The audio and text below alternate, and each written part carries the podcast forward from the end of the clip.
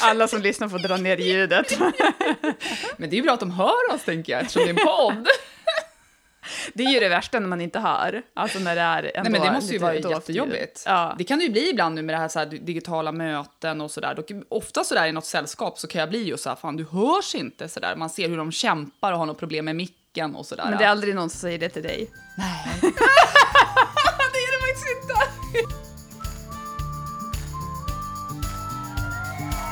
Låt dig smittas av glädje i podcasten som förgyller din dag. Välkommen till Glädjepodden med Sandra och gäster. Om du som lyssnar är i ett skede i livet då du behöver pepp i någon form, du kanske behöver mod att våga göra någonting eller bara eh, sugen på lite inspiration, då är det här verkligen avsnittet för dig. Du kommer bli både peppad, du kommer bli inspirerad, du kommer bli berörd och du kommer få ta del av en väldigt fascinerande människa och en väldigt fin historia.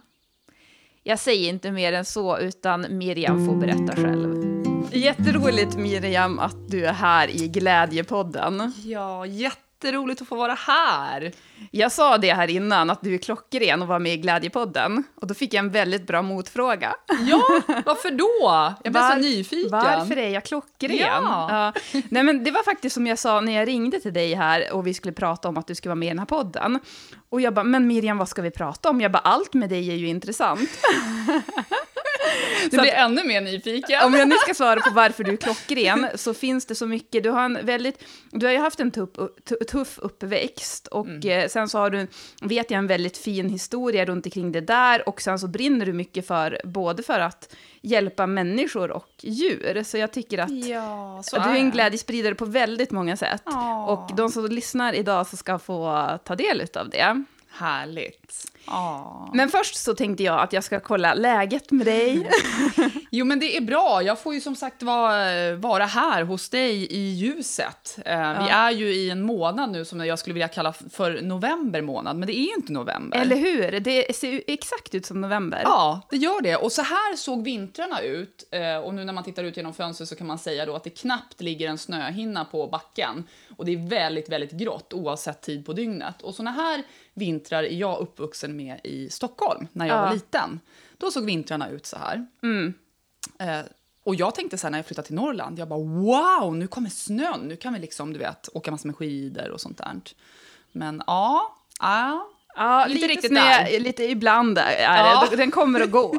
ja, Jag tänkte att jag ska ställa frågan hur läget är med dig på ett lite annorlunda sätt. Nu hann du svara på ett vanligt sätt där och det var jättekul att höra. ja. vad bra. Men om du på ett annorlunda sk- sätt skulle svara på vilket djur du är just precis nu, om du ska då utgå från dagsläget. Vilket djur skulle du vara just nu då? Tiger. Underbart! Jag fick dig att skratta! Ja men alltså, det är klart att du är en tiger. Eller hur? Min son brukar säga det. Mamma, du är min tigermamma. ja, jo, jag brukar säga det. Och varför just nu då känner du dig som en tiger? Men jag känner mig full av energi, jag känner mig kraftfull. Jag känner mig eh, nöjd och stolt över att jag får tillvara den här stunden med dig och liksom vi kan prata om saker som kanske påverkar andra. En tiger vågar kliva fram. Du, ja, det, alltså, du känns ju verkligen som en tiger, inte bara nu, utan bara he- helt, hela du är en tiger. Ja, jo, men det, jag känner att jag kan nog tänka mig att vara den. Jag tycker det är roligt. Jag tycker det är kul att, att synas, höras eh, eh, och lyfta andra. Ja. Du som lyssnar får fundera också vars du är i läget nu. Känna in lite grann. Är du en tiger eller är du en katt eller vad är du för någonting? Men Miriam, jag hann ju nämna där att du är väldigt bra på att, ja men dels är du ju bra på att lyfta andra som du sa det själv också att du gillar, men också att eh, du har ju ett driv, en drivkraft att hjälpa både djur och människor. Skulle du vilja berätta vars den drivkraften kommer ifrån? Ja, men precis. Eh, så är det verkligen. Och jag har väl sett det lite som en sån här livsuppgift att så länge jag finns på den här jorden så vill jag göra någon slags skillnad. Eh, jag har ju levt med min mamma som var, när hon levde, hon lever ju inte idag, men när hon levde så var hon Jehovas vittne. Och hon pratade mycket om liksom paradiset, Harmageddon, Satan, Jehova och sådär. Och det är jag uppvuxen med och har gått på sådana här möten då på rikesal och sammankomst och sådär. Eh, Jag har också lite halvsyskon utspridda i landet och också en pappa. Eh, Och pappan lever faktiskt idag, min helpappa. Då. Men vi har aldrig haft kontakt. Jag har aldrig levt med honom, utan jag har bara levt med min mamma. Och min mamma var en väldigt orolig själ. Var hon. Eh, eh, men det som var väldigt starkt inom henne, det var just religionen. Och hon och jag, vi hade aldrig riktigt sånt där kärleksfullt liksom, mamma-dotter-förhållande. Utan där var det mer så här att hon la liksom Bibeln i min famn och sa att nu ska vi studera. Så att du inte får Satan i dig, eller så. Eh, utan att jag skulle liksom komma till paradiset med henne. Och när man inte vet så mycket annat som barn, då lever man ju i det där. Och vet som sagt var ingenting annat. Jag visste inte, vad har fira juldagar, eller julafton? eh, hur gör man då? Eller hur firar man födelsedagen? Eller eh, ja, men som min mamma gjorde, hon läste ju ofta på de här eh, korvförpackningarna och kollade så att det inte var blod i då, eh, innan vi skulle köpa korven och sånt. Sånt var ju väldigt viktigt för henne. Och det trodde jag var viktigt för alla när jag växte upp.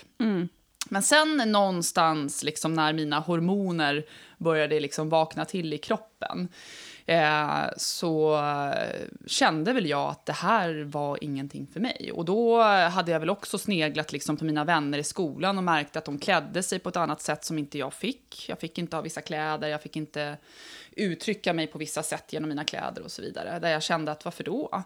Jag märkte att eh, alla i klassen sjöng för de andra. Men man fick ju inte sjunga för mig. Det hade ju min mamma sett till med, med lärarna, att inte sjunga på min födelsedag i klassrummet. Mm och nu är jag lite osäker, men jag tror inte att, kanske att man gör det idag. Men det var nog mera förut, när jag var yngre. Jag är ju 41 nu då. Och det där blev ju inom mig då som någonting som växte och växte, där jag kände att nej men jag vill inte gå eh, på Rikes sal. Och då bodde vi i Rissne i Sundbybergs kommun. Och där kunde det ju vara då som exempelvis att min mamma tyckte att jag skulle ha liksom knutblus, eh, lång kjol och typ låga pumps liksom. Alltså klä, klä mig som en syster inom Jehovas vittnen. Eh, och där kände jag då när jag var i den åldern att jag vill inte klä mig som en gammal tant. Och det är pinsamt för jag visste att mina vänner skulle stå nere vid tunnelbanan i Rissne. Vid matboden där vid ICA-affären.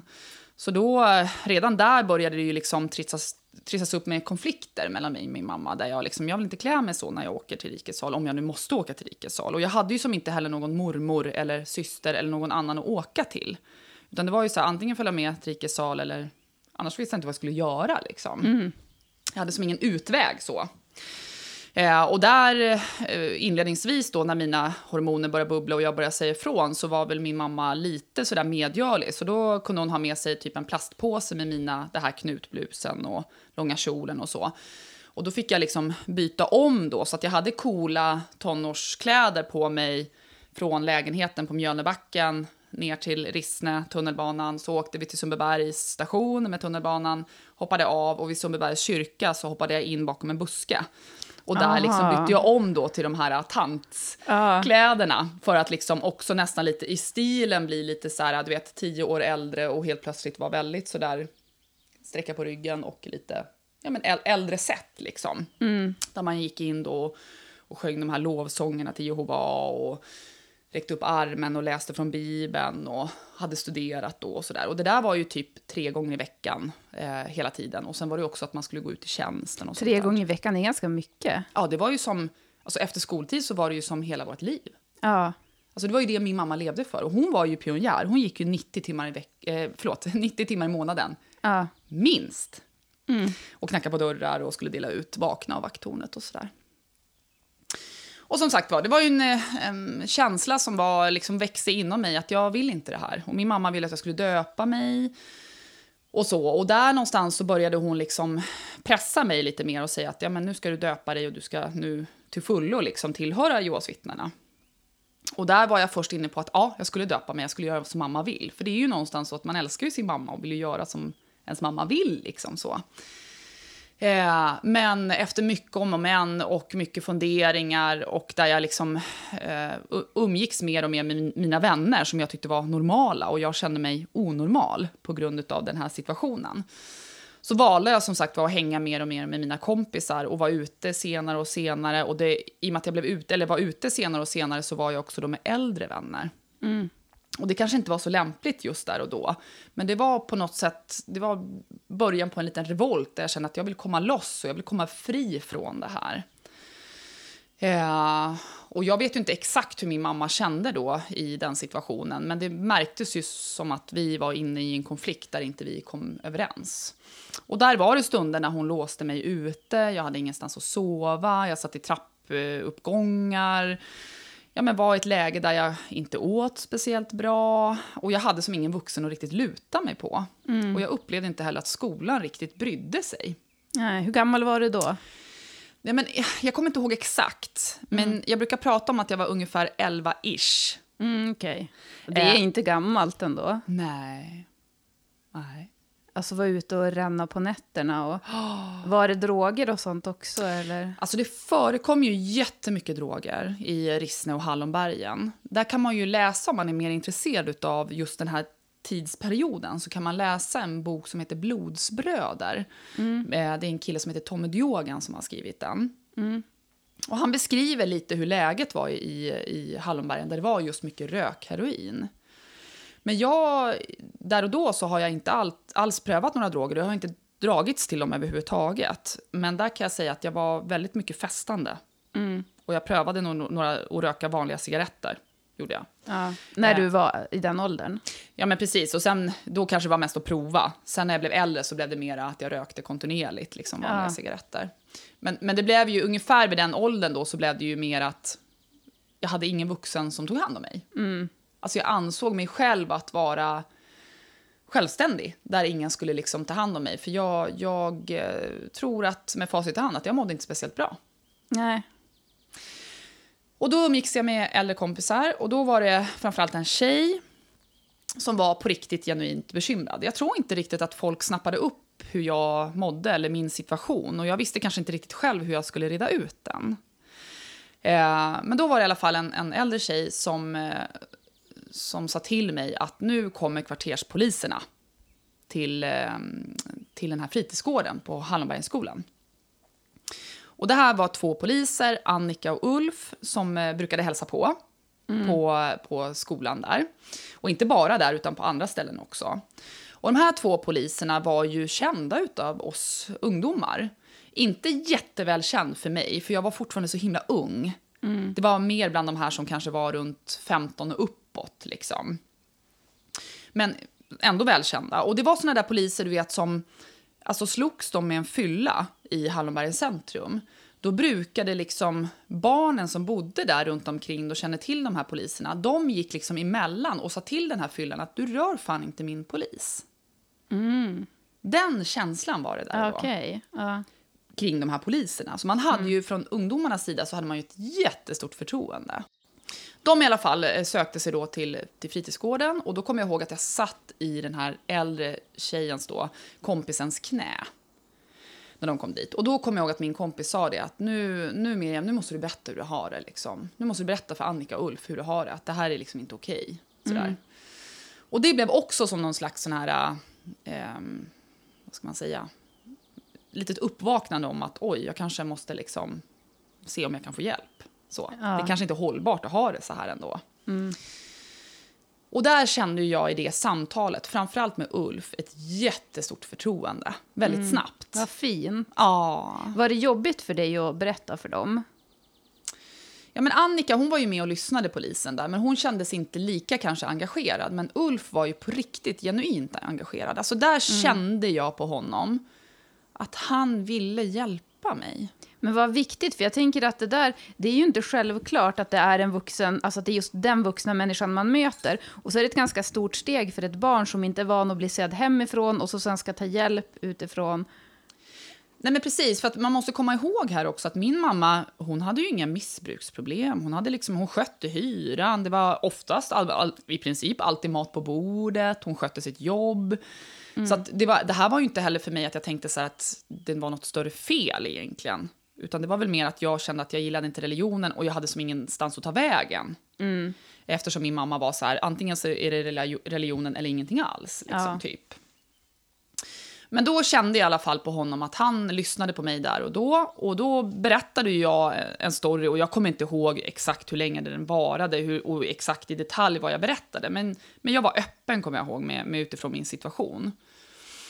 Och då sitter ju de där eh, och lyssnar på, på mig och eh, efter de har lyssnat på mig så drar då eh, Ulf upp sin plånbok som han har med sig.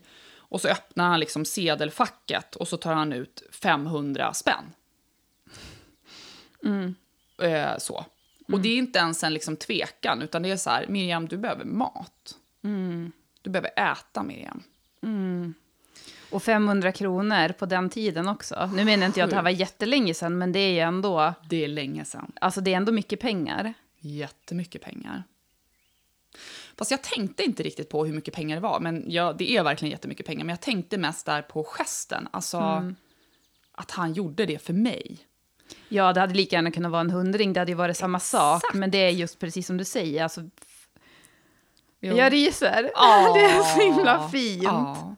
Och det där, Sandra, har jag aldrig kunnat glömma.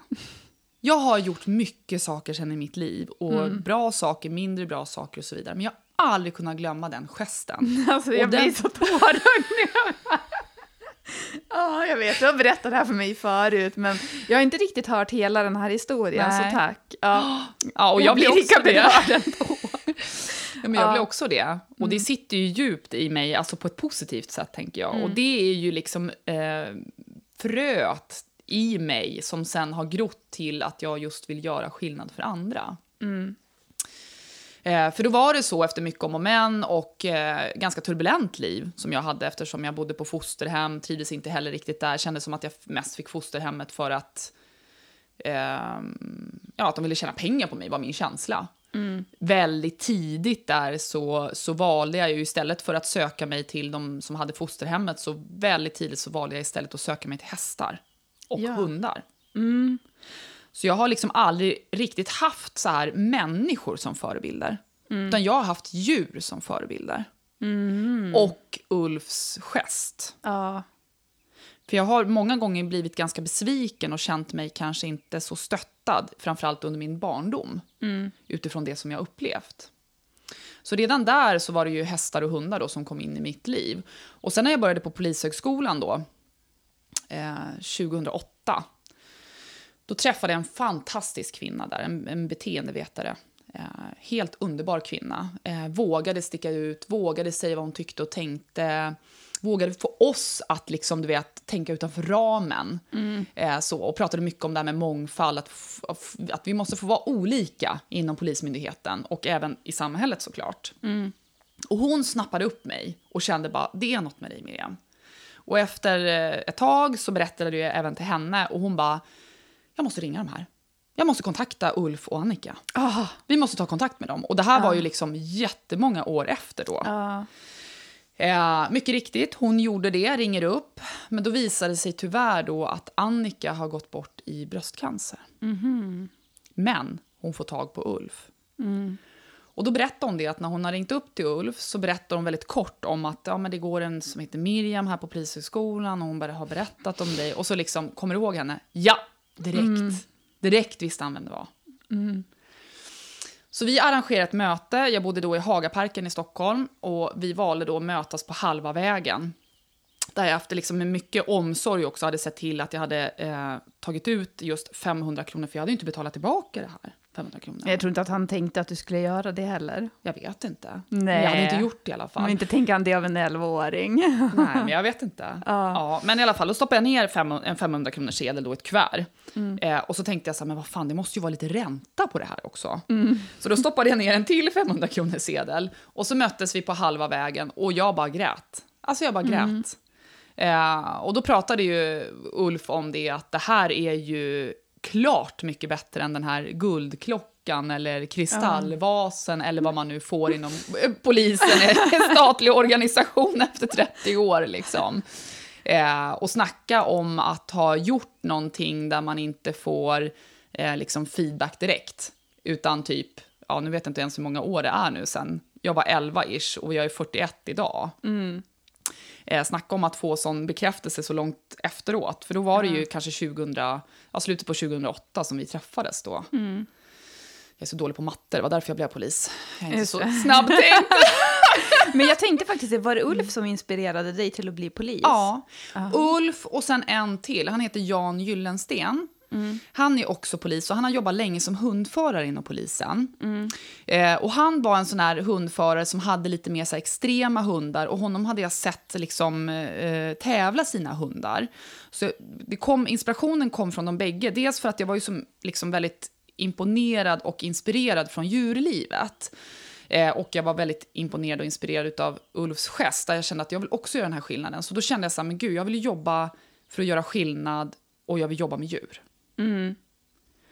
Eh, så att eh, de, de, framförallt Ulf har ju påverkat mig jätte, jättemycket. Alltså, Ja, men det här är så fint. ja. Det är, så, det är verkligen en sån här bekräftelse på hur en liten gest, alltså Mm. visst nu kan vi säga att 500 kronor, då, särskilt då, var ändå ganska mycket pengar, Jo. men ändå den lilla gesten, för, alltså, den har förändrat ditt liv. Ja, så är det. Jo, men det är precis det. Men, men här tror jag också att det ligger en viktig grej i att jag tror att det är många människor ändå, jag, jag vill tänka så, att det är många människor som vill göra skillnad. Men det gäller ju också att mottagaren till den som man får hjälpen av känner att det är otroligt genuint. Ja, man ska inte göra, alltså jag tänker att man alltid när man ska göra någonting, att man gör det från hjärtat när det känns bra, för det var ju Ja. det Ulf gjorde. Ja. Och gärna det personliga mötet. För där kan man ju få ibland så ja men vill du lägga på 20 kronor till Barncancerfonden på, på när man handlar på ICA? Och det gör man ju liksom. Men där får man ju inte personliga mötet och liksom skillnaden som man gör då när man betalar 20 kronor eller vad man nu gör så. Eller köper en majblomma eller du är med på tänket. Ja. Utan här blev det, det hände ju någonting med mig Ja. som inte jag har kunnat släppa liksom. Och vet du, den tanken tycker jag alla som lyssnar nu kan ta med sig den här, för att ibland mår man inte så himla bra i livet. Och om man då tänker att, tänk om jag har gjort någonting så att jag har förändrat en annan människas liv på samma sätt som Ulf har gjort. För jag tror faktiskt att vi alla säkert har gjort det på ett eller annat sätt, utan att vi kanske ens vet om det. För att vi alla är ju betydelsefulla och vi påverkar varandra hela tiden. Ja, men så är det verkligen. Och jag tänker att det här med, som vi kanske inte alltid pratar om, just civilkurage. Att kanske våga lite mer i en situation där man kände att nej men usch, ska jag verkligen stanna med bil? Det står en bil där, ska jag verkligen stanna och kolla hur läget är? Ja, det ska du.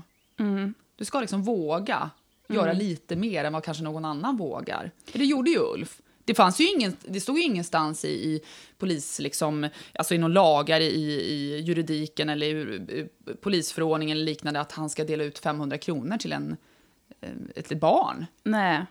Utan det här gjorde ju han för att han har hjärtat på rätt plats. Och han har ju beskrivit det sen efteråt också, att han själv kommer från en familj där det har varit alkoholism. Och där han såg på mig att hon ljuger inte, hon hittar inte på. Men jag tänker, jag vill bara flika in en grej, för jag hörde på Oprah, det här var ett jättehemskt avsnitt som jag egentligen inte skulle ha lyssnat på, för att jag är så himla känslig. Men de pratade om kvinnor som har blivit, eh, ja men, ja, utsatta helt enkelt på olika sätt. Och att nästan varje gång så har de alltid känt någon intuition innan att bara så här, men vänta, jag kanske inte ska göra det där, men då kanske de ändå har typ så här, ja men om någon har ropat på dem eller någonting och de ska vara artig eller de kanske ska försöka, det kanske är någon också som behöver hjälp, det är någon man och de känner att de vågar egentligen inte, men de har gjort det ändå. Så de har alltid känt den där känslan. Så jag ville bara så här, ja men visst, man, alltså jag håller med dig om det här med att våga lite mer, men sen får man ju välja sig. Det behöver ju inte vara så här i ett mörkt hörn, liksom ensam kvinna ute på, alltså på stan så, utan det kan ju, eh, du förstår, vad- jag vill bara säga det, för att just det här med att man måste inte alltid vara artig. Fast jag våga. tänker att det är alltid någonting man kan göra. För jag tror ändå så här att man får inte hamna i att men jag är kvinna så jag ska inte göra någonting i det här läget. Det finns liksom alltid någon, någonting man kan göra i en sån situation. Man kan alltid ringa 112, man kan alltid ringa någon kompis, man kan på, liksom påverka eller liksom höja armen och se till att andra får uppmärksamhet kring det här eller någonting. Det behöver inte vara det att man ska vara den som går in i själva situationen. Men man kan alltid göra något. Ja, men jättebra tillägg. Ja. Jättebra, det kan man Och det göra. det Men jag jag tycker är att man ska efter. också tänka på det här med att man inte går över, alltså utanför sin comfort zone när det handlar om ens egen, eh, vad heter det, eh, säkerhet. Ja, och där tror jag mer, eh, istället för att liksom hamna där att man inte ska göra saker, för jag är lite rädd för att säga så. För då tror jag att man påverkar folk till att inte våga. Och det är livsfarligt. Så då vill jag hellre så här uppmana att våga, men ha en mental förberedelse. Så känner man då lite som du säger att ja, men stämningen, det är liksom, klockan är eh, halv två på natten, det finns inga andra människor här, stämningen känns inte riktigt bra. Men det finns ändå alltid någonting du kan våga göra och har du haft en mental förberedelse, någonting som man faktiskt jobbar med som polis, eh, då kanske du ändå kan hitta på någonting utifrån ditt, din verktygslåda liksom, med situationen. Men sen helt rätt med, som du säger Sandra, att man ska inte gå in i ett läge som inte känns bra. Nej, men exakt, jag tyckte vi fick till det ganska bra tillsammans. men det är därför vi sitter här. För att vi ska göra det ihop. Ja. Men får jag bara fråga, hur kändes det att vara liten och att inte känna sig hemma i sitt hem? Du menar när jag levde med min mamma, menar du? Ja, precis. Och hur har det påverkat dig? Eller har det påverkat dig? Ja, men det kan ju vara så. Jag har väl inte reflekterat så där jättemycket över det, men eh, du har ju ganska, det är en ganska klok fråga, tänker jag ändå. För jag har ju flyttat väldigt mycket i mitt liv. Jag har ju ganska svårt för att rota mig. Men du har en egen familj nu. Ja, och det är liksom tack vare min man, han heter ju Patrik. Efter vi hade träffats, det var ju tack vare honom som jag liksom landade i mitt liv. Och det var ju då jag sökte till Polishögskolan också. För innan där så var det turbulent i mitt liv. Hur vågade du, alltså hade du svårt, och gud nu kommer det väldigt privata frågor men här. Jag, jag jag bara kör öppen. på och så sen så Ja, får nej, vi... jag är helt öppen. Vill Kör! du svara så är det bara pass. Nej men jag tänkte, var det svårt att lita på honom? Nej. Att komma in i den... Nej. Inte alls. Och jag har aldrig haft, alltså vi har ju nästan varit tillsammans i, i 20 år nu, eh, jag och min man. Och jag har aldrig haft svårt att lita på honom, för han är så där genuin. Typ som Ulf var i den där situationen. Så jag har alltid känt med min man. Och det, jag vet inte, har du träffat min man någon gång? Nej. Nej. Han är så otroligt genuin. Är han, Han- väldigt trygg person? Otroligt trygg. Han är från Dorotea. Han säger mycket så här, inte så mycket mer. Det är jag som håller snacket hemma liksom. Ni kompletterar varandra bra. Men han är ju den här, han har ju varit också chef inom polisen mycket och sådär. Och i Stockholm så, där han var chef under en längre period, då var ju han den här som alla ringde till för att han var containern. Liksom. Alla har förtroende för honom. Alla tycker om honom. Han är så otroligt stabil som människa. Och han är liksom min, han är min granit. Han är min Norrlandsgranit. Det är liksom mitt, mitt core. Ja, men, ja, fantastiskt. Det är det. Ja. Och många brukar säga det som umgås med, med, med oss och, där, och med våra barn. Så där, att vilken fin familj. Ja, men vi är det. Men det känns som att du har blivit en ganska trygg person ändå, alltså trots att du hade det jobbigt och att du... Jag tänker också bara det att du som i den åldern vågade eh, slå dig fri från det som inte kändes rätt. Nej, men det är ju lite jag som person. Alltså jag... Tigern. Ja, Tigern, ja. Exakt. Ja, men precis. Och jag, jag är sån som person och är fortfarande sån som person. Det är också en anledning till att jag sa upp mig i mitten på 2019 som polis. För att jag inte trivdes i den kulturen. Eh, och för att jag tyckte att, att så som jag hade det, det var liksom inte schysst och det var inte okej och jag fick ingen utveckling i det. Så i, istället för att stanna i någonting, istället för att liksom stanna upp och bli bitter och stänga ner själen, så, så växlar ju jag upp och tänker, vad ska jag göra nu? Vad ska vi hitta på nu? Berätta då vad du hittade på då.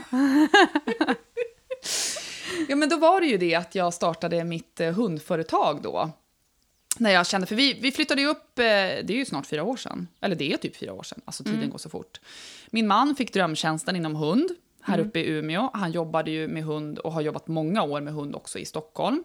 Jag har ju också jobbat med hund och har ju alltid haft drömmen att också jobba med hund. Vi har ju varit otroligt nördiga jag och min man ända från det att vi har träffats. Vi har liksom haft, eh, ja det är cirka 60 hundar vi har tagit hem ideellt. För att liksom lära oss mer om hundar. Och det har ju varit såna hundar som, inte vanliga såna hundar som är liksom lite gulliga och ligger i soffan. Utan det har ju varit hundar som är liksom, alltså tjänstehundsblod som så här, du vet kampar med kättingar och är helt crazy liksom. Såna har vi tagit hem för att lära oss. Oj, om oj, oj, kommunika- ingenting för mig. Nej, nej, kan bli. Du umgås ju med mig nu. jag, jag har ju fått träffa, vad är han heter? Han, Swish. Swish och så den andra. Vem var det då? Hugge? Hugger, just det, så var det. Det är en schäfer. Och, och den är jag ju lite rädd Jo, för, fast han är väldigt det. fin. Så att jag är, är- eller jag är inte rädd, men jag har respekt. Han är ju polishund nu. Mm. Så han är ju i Skellefteå idag och letar efter försvunnen person. Är det Med min man. Ja. Jag har ju lånat ut honom Ja, till min man. ja. Mm. Och gud, jag önskar dem verkligen lycka till. Ja, Så, och det var ju en anledning till att jag gjorde det, för att nu är det ju corona. Så man kan ju inte tävla någonting med hundar. Och då kände jag så här, han är så otroligt välutbildad. Jag har ju liksom verkligen slipat honom som en diamant. Och då sa jag det till min man, att då får du låna honom för att eh, rädda liv. Apropå att göra skillnad. Ja, det är fantastiskt. Ja, men eh, du, nu kom in, men du började i alla fall jobba då med hundar. Eh, Ja, men precis. Då flyttade vi upp för, för fyra år sedan. Och först var jag vikarie då på något som heter Kompetenscentrum som polis. Då hade jag jobbat i Stockholm som gruppchef och, och yttre befäl på Arlanda flygplats. Och jag älskade det! Bomblarm och liksom stora case och... Alltså jag älskar ju sånt. Jag tycker det är så sjukt roligt att liksom bygga team och, och sådär. Jätte, jätteroligt. Eh, och som sagt var, då flyttade vi upp. Jag visste inte riktigt så här, ha, vad hände med mig? Min man fick drömtjänsten. Men vem fan minns en fegis? Alltså Sandra. Va? Eller hur? Är det inte så? Ja, det är så här rubriken på det här avsnittet. Vem fan minns en fegis? Så då flyttade vi upp. Jag hade det här vikariatet, stormtrides med den här gruppen. Så sjukt bra medarbetare. Fick lite oro sen, för jag kände så här, men gud, vad, vad ska jag jobba efter det här vikariatåret? Men kände så här, men det är klart jag ska jobba med hund. Tänkte jag då.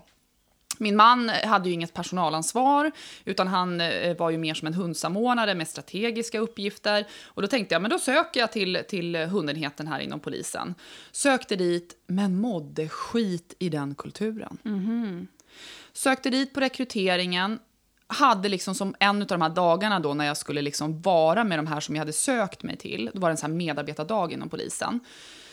Eh, då gick jag till en av de här hundförarna. Jag bara, hej, då skulle, man skulle käka lunch då. Jag bara, hej, får jag sätta mig här? För jag kände ju som inte riktigt dem då. Jag är ju från Stockholm liksom och de hade ju jobbat här säkert länge. Ja, men visst säger den här personen, vi sätter där bredvid mig liksom. Går bort till salladsbuffén och så tar jag sallad och så kommer jag tillbaka. Då har en annan hundföretag min plats. Och de säger ingenting. Och det finns ingen annan ledig plats. Och så här var det. Ja, Det var liksom, jag kunde sitta i restaurangen, jag har sökt mig till deras grupp. De hade ingen lust att gå och sätta sig med mig. De ville inte höra vem är du, vad kan du, vad, vad gör du, vad liksom med hund och, och sånt där. Ingenting. Så jag känner mig så otroligt ledsen ja över jag det. förstår det. Och jag är ju så här känslomänniska som du vet, Sandra. Ja. Och jag är så otroligt driven och jag är så otroligt mycket för att skapa relationer, bygga team. Så jag kände, jag sa det till min man, att jag mår inte bra av den här kulturen. Så jag pratade med ledningen där och jag pratade med liksom de som ansvarade över det här och sa det att jag, jag mår inte bra av den här utfrysningskulturen liksom, och, och hur man har det så här. Jag förstår inte att det kan ens förekomma. Vuxna människor, jag fattar inte det. Jo. Men ty- tyvärr så gör det ju Ja, det. det gör Men ju det. det. Det är ju... Nej, men jag tror ofta också att locket är så mycket på, eller så ofta på, när det gäller sånt här. Och folk vågar inte prata om sånt här, men jag gör gärna det. Eh, så att då, då kände jag, nej men då, då, och då, fick, då hamnade jag på mängdbrott. Men då kände jag att på mängdbrott, det är ju liksom en utredartjänst. Och där tar man ju inte tillvara på mitt ledarskap och min drivkraft så. Så då kände jag så här, jag försökte ju söka då olika ledarskapsfunktioner och så tjänster liksom inom polisen och kommunpolis försökte jag söka och sånt där och kom inte vidare, kom inte ens vidare på intervju. Så att min själ släcktes. Det var liksom en av de här tjejerna som jag hade jobbat med då på kompetenscentrum då, en polis. Hon sa det till mig så här, Miriam, när jag träffade dig när du hade flyttat från, från Stockholm upp till Umeå och träffade dig på polisstationen, då såg jag en vild häst.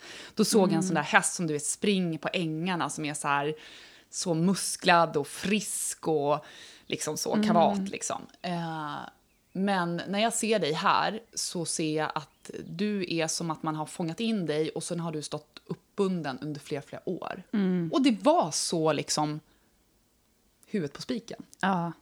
Och då tänkte jag så här, fan, jag, jag, jag kommer inte må bra om jag fortsätter så här. Jag måste göra någon förändring, för jag är så driven. Jag vill så mycket, jag vill göra skillnad, jag vill jobba med ledarskap, jag vill jobba med hundar. Och jag är så otroligt kunnig på hundar. Och då startade jag företaget, mitten på 2018, sa upp mig i mitten på 2019. Working Dog Studios Ah. heter ditt företag. Va, berätta vad det är du gör då.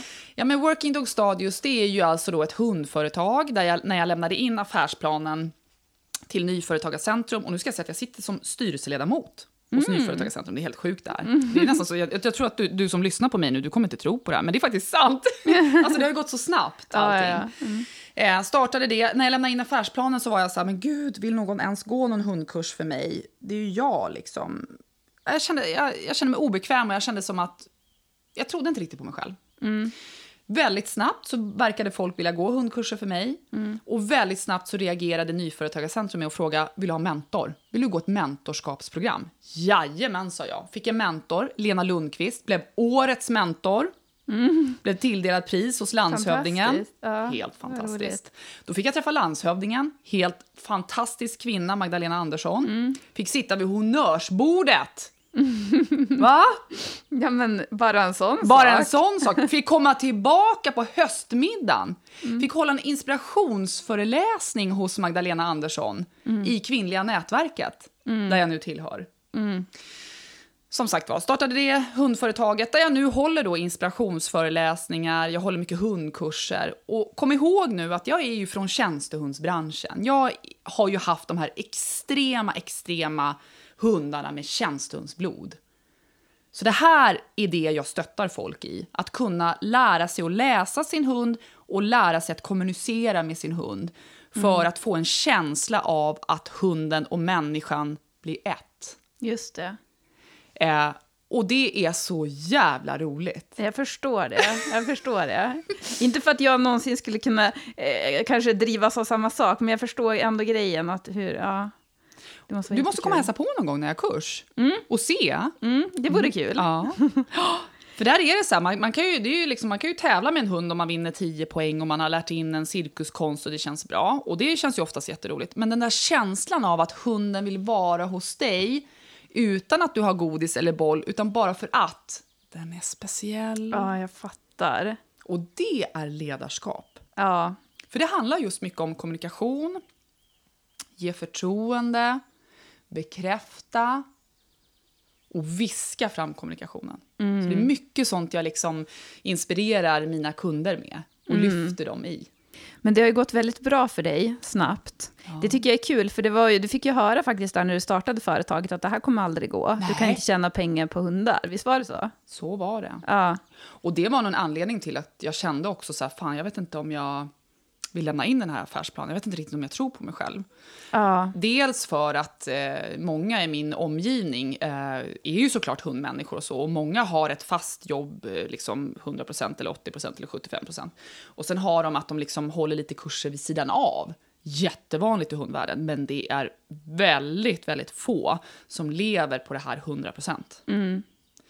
Så att det var ju väldigt många som ifrågasatte och eh, liksom undrade och kanske lite så här ja, men höjde ögonbrynen och liksom, hur tänker hon nu egentligen? Eh, så. Och där vet jag inte riktigt heller, nu har inte jag kollat med alla eh, hos Polismyndigheten, så mina vänner som fortfarande jobbar kvar, hur de, hur de tänker sådär. Men jag tror att det var några som undrade, gör hon verkligen rätt nu?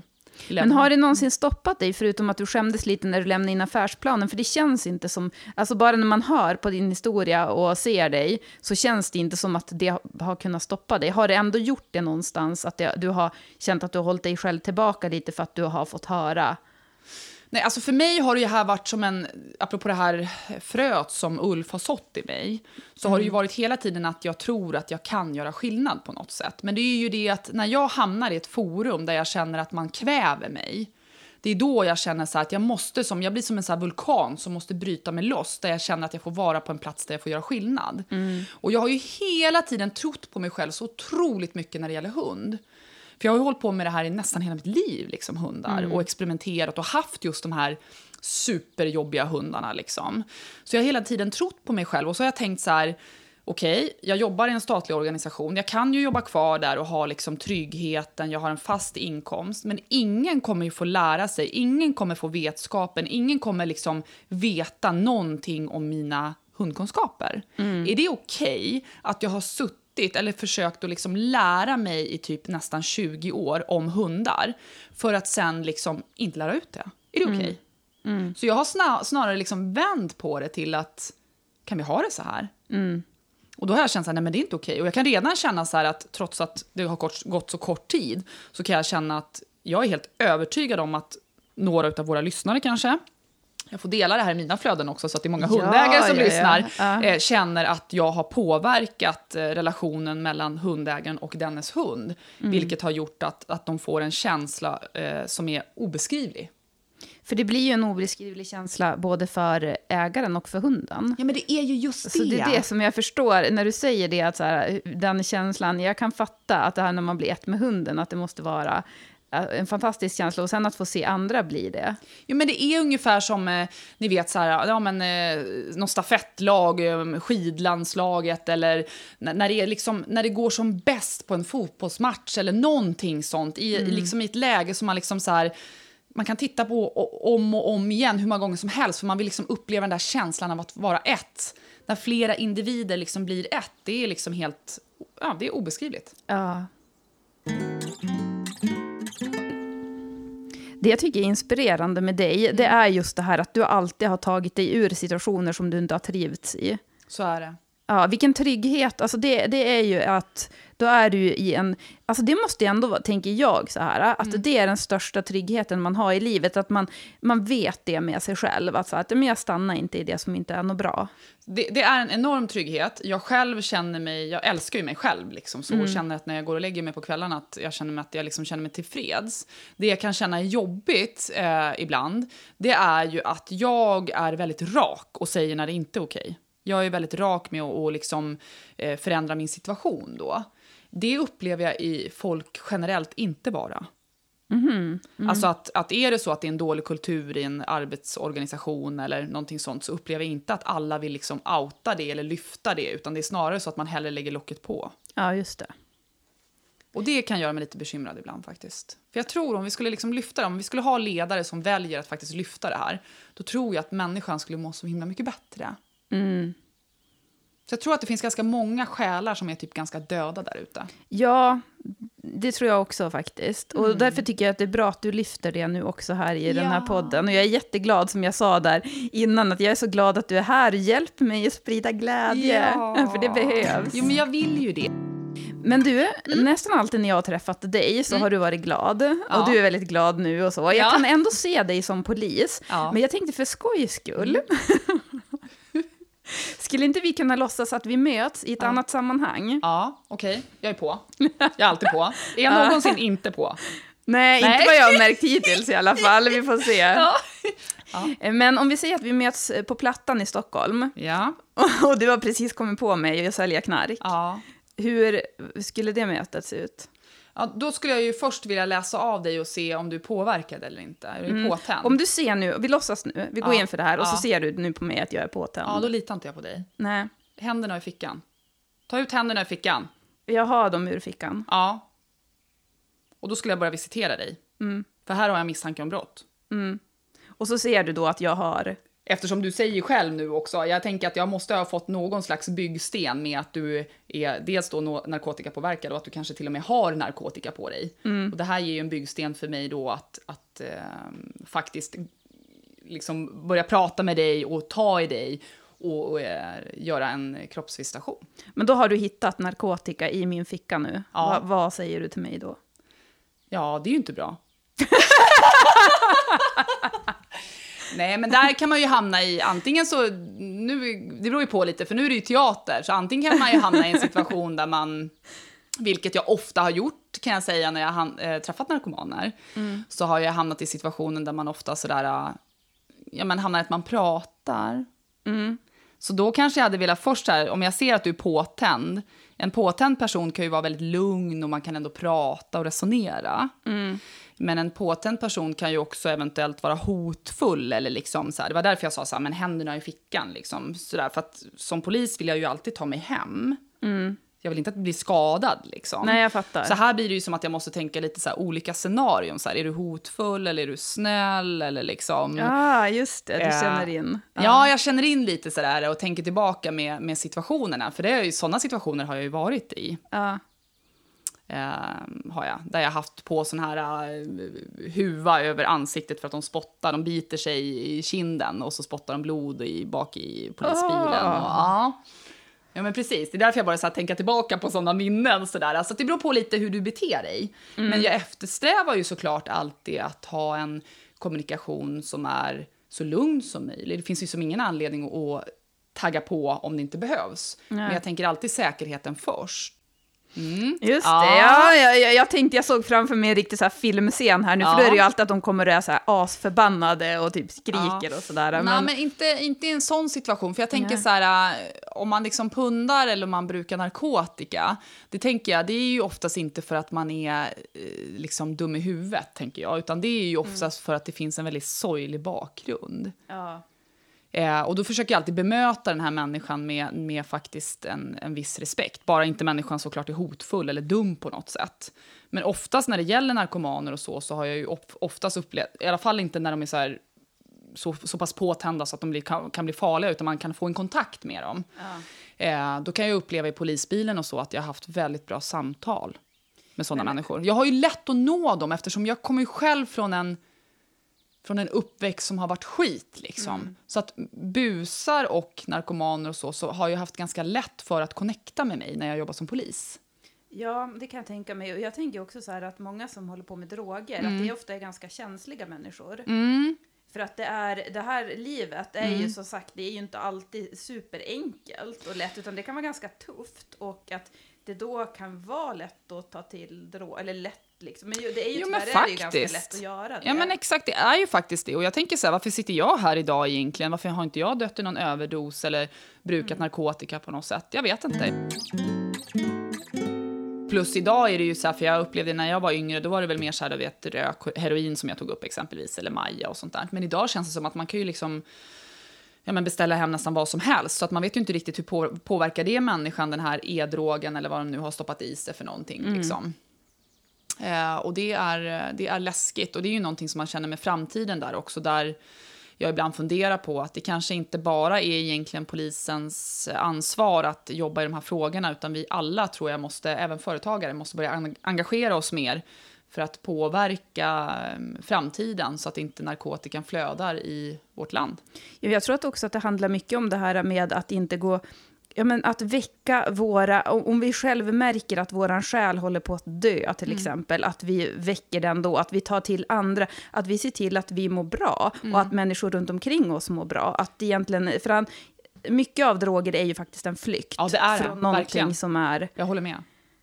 som inte är bra. Nej, och där kan jag ju säga det. Det har jag ju många kunder som eh, faktiskt eh, har varit i kontakt med mig och gått kurs hos mig. Exempelvis min man har gått bort eller jag har varit med om någonting tufft eller något sånt där. Att många skaffar hund. Ja. Och jag kan ju tycka att det är väldigt bra faktiskt att söka kanske stöd ibland hos djuren. Eh, så. Jag hade för inte alls så länge sedan en, en familj som faktiskt skrev till mig här för några dagar sedan bara och skrev det att ja, men jag har ett barn som har autism och det här barnets största önskan är att få träffa en golden som inte hoppar och är väldigt lugn. Och då skickade jag ut eh, på Working Dog Stadios sociala medier, för vi finns ju på, på Instagram och på Facebook. Och då skickade jag ut där, har jag någon av mina kunder som skulle kunna tänka sig att träffa den här familjen? För det är hans största önskan. Ja, jag vet inte hur många som liksom hörde av sig, hur många som helst. Så han fick då träffa den. Ja, de, de har inte träffats ännu, men det är Nej, bokat. det är och jag tror hon har bokat. bokat med två till och med. Vad glad jag blir. Eller hur? Eller Se, se vad du gör skillnad där, Jo, Miriam. men, och det är ju det jag vill. Ja. Jag vill ju det. Ja. Jag vill ju göra den skillnaden. Ja. Sen är det ju så att det mesta som jag gör, det tar jag ju betalt för eftersom jag är företagare och lever på det här 100 procent. Ja, men tänk om du inte hade haft ditt företag. Då hade du inte haft, kunnat ge dem den möjligheten att köpa din fantastiska tjänst. Nej men så är det ju. Så är det. Så är det. Så att det är det. Man ska följa sina drömmar, för att annars då är det som att man tar ifrån världen någonting fint. Mm, verkligen. Ja. Men du, några avslutningsfrågor här. Ja, kom igen. Jag är redo. Hit me baby. Jag skulle vilja veta när du lever som mest. När känner du dig som mest levande? I skogen. Med hundarna? Ja. Ja. Och där är jag varje dag. Mm. Och där mår jag verkligen bra. Minst en timmas promenad per dag. Mm. Och jag bara går. Jag säger aldrig någonting till mina hundar. Jag bara går. Mm. Och de följer mig. De är ett med mig. De är ett med dig. Ja. ja, nej, jag håller med. I skogen är fantastiskt. Ja, den, den gör så mycket för mig. Eh, Det är där jag rensar mina tankar. Det är där jag, eh, om jag är ledsen, jag vet, jag hade ju sån här pneumothorax när jag träffade min, min man. Då var jag typ 23 någonting. En spontan lungkollaps. Jag var ju rökare, vet du. Just det. Ja, visst. Så då blev det en spontan lungkollaps, hamnade på sjukan. Alla det, rökare som lyssnar på det Ja. här, nu hör ni vad som händer. Ja, och det var ju ändå tur, för det var ju som inte cancer, utan det var ju en sån här lungblåsa då som hade gjort att lungan kollapsade. Ja. Men du vet, den känslan att vara i den åldern där jag liksom unts, unts, unts, var ute och dansa och liksom hade det. du vet, så här, jag levde livet, ja, ja. liksom träffade min man då precis. Och att min lunga kollapsade. Det var ju som att nu är livet slut. Mm. Jag kommer dö. Typ den känslan. Och då hade ju jag K1-hästar eh, hemma hos oss i, i Hagaparken.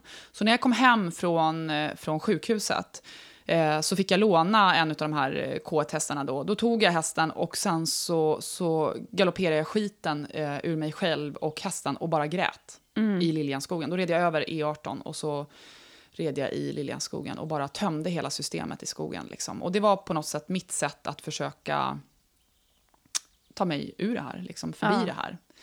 Eh, mm. Så skogen och djuren. Mm. Om det inte fanns några sociala regler eller normer, Ja. vad skulle du göra då? Är det någonting som du känner att... Berätta, utveckla. Men är det no- håller du dig till själv tillbaka på något sätt? Alltså så att om det inte fanns några sociala regler, normer, ja men då skulle jag gå ut eh, naken höll jag på att säga, men Nej, jag, jag trivs ju, i och med att jag har jobbat i uniform så trivs jag väldigt mycket med liksom regler, struktur, rutiner. Jag trivs ju väldigt bra när det är insatser, när jag har varit liksom insatschef eller jobbat som polis har jag trivs ännu bättre i våra särskilda händelser när det har varit en insats. Det, är det är då jag trivs som bäst, när det är en väldigt rak kommunikation. Det är ingen så här, du vet, man ska linda och det ska bli luddigt och det är liksom så här, utan rak kommunikation, nu gör vi så här, är det uppfattat, det är uppfattat. Då trivs jag som allra bäst. Eh, någonting som jag skulle behöva jobba med mig själv spontant när du säger typ socialt så, det är att jag har väldigt lätt att eh, klippa relationer. Jag har väldigt svårt att bli riktigt, riktigt, riktigt tajt med folk. Jag släpper på folk en viss bit in på mitt liv. Men sen så är det mera, nästan lite mer bekantskapsnivå, inte vän-vän-nivå. Jag har liksom inga såna här bästa vännen. Har jag inte. Och det är nog en sån där att jag har lite svårt att eh, knyta an någon sådär riktigt, riktigt nära för att jag tror, med min erfarenhet eh, i min erfarenhetsbank, så tror jag att jag är så otroligt rädd för att eh, bli besviken. Liksom. Men det är det jag tänker ändå, så här, att fast det kanske är för att han är så trygg, Patrik, men att du där ändå har vågat... Ja, nej men han, och han är verkligen, alltså jag känner ingen mer trygg person än vad han är. Liksom så. Eh, han är en av de finaste människorna jag känner. Mm. Utan tvekan. Men då vet du ju att du vågar. Du vet att du vågar eh, lita på människor.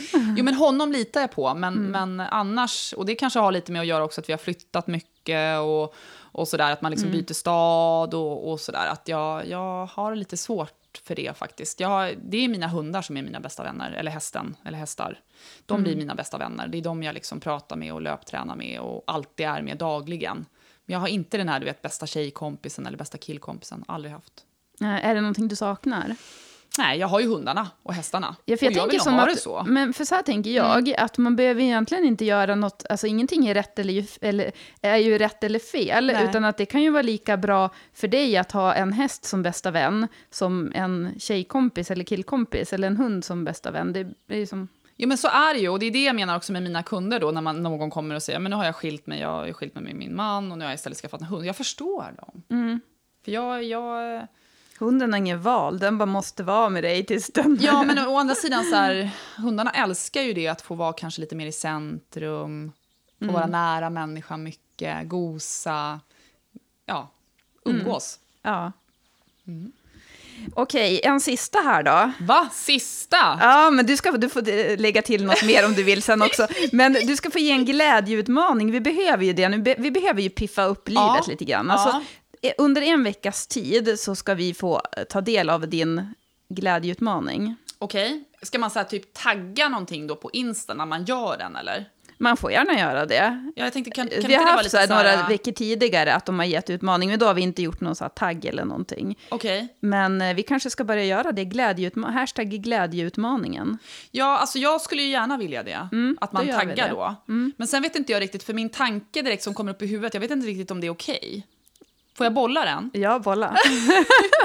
Nej men då är det ju så här som bland annat då när jag är ute på promenad eller någon annan hundägare så ute på promenad. Så när det sker ett hundmöte eller när man träffas så här på promenaden, för jag tänker där kan man ju ha ett avstånd utifrån eh, covid-tider nu. Så är det väldigt sällan man säger hej till varandra och ler.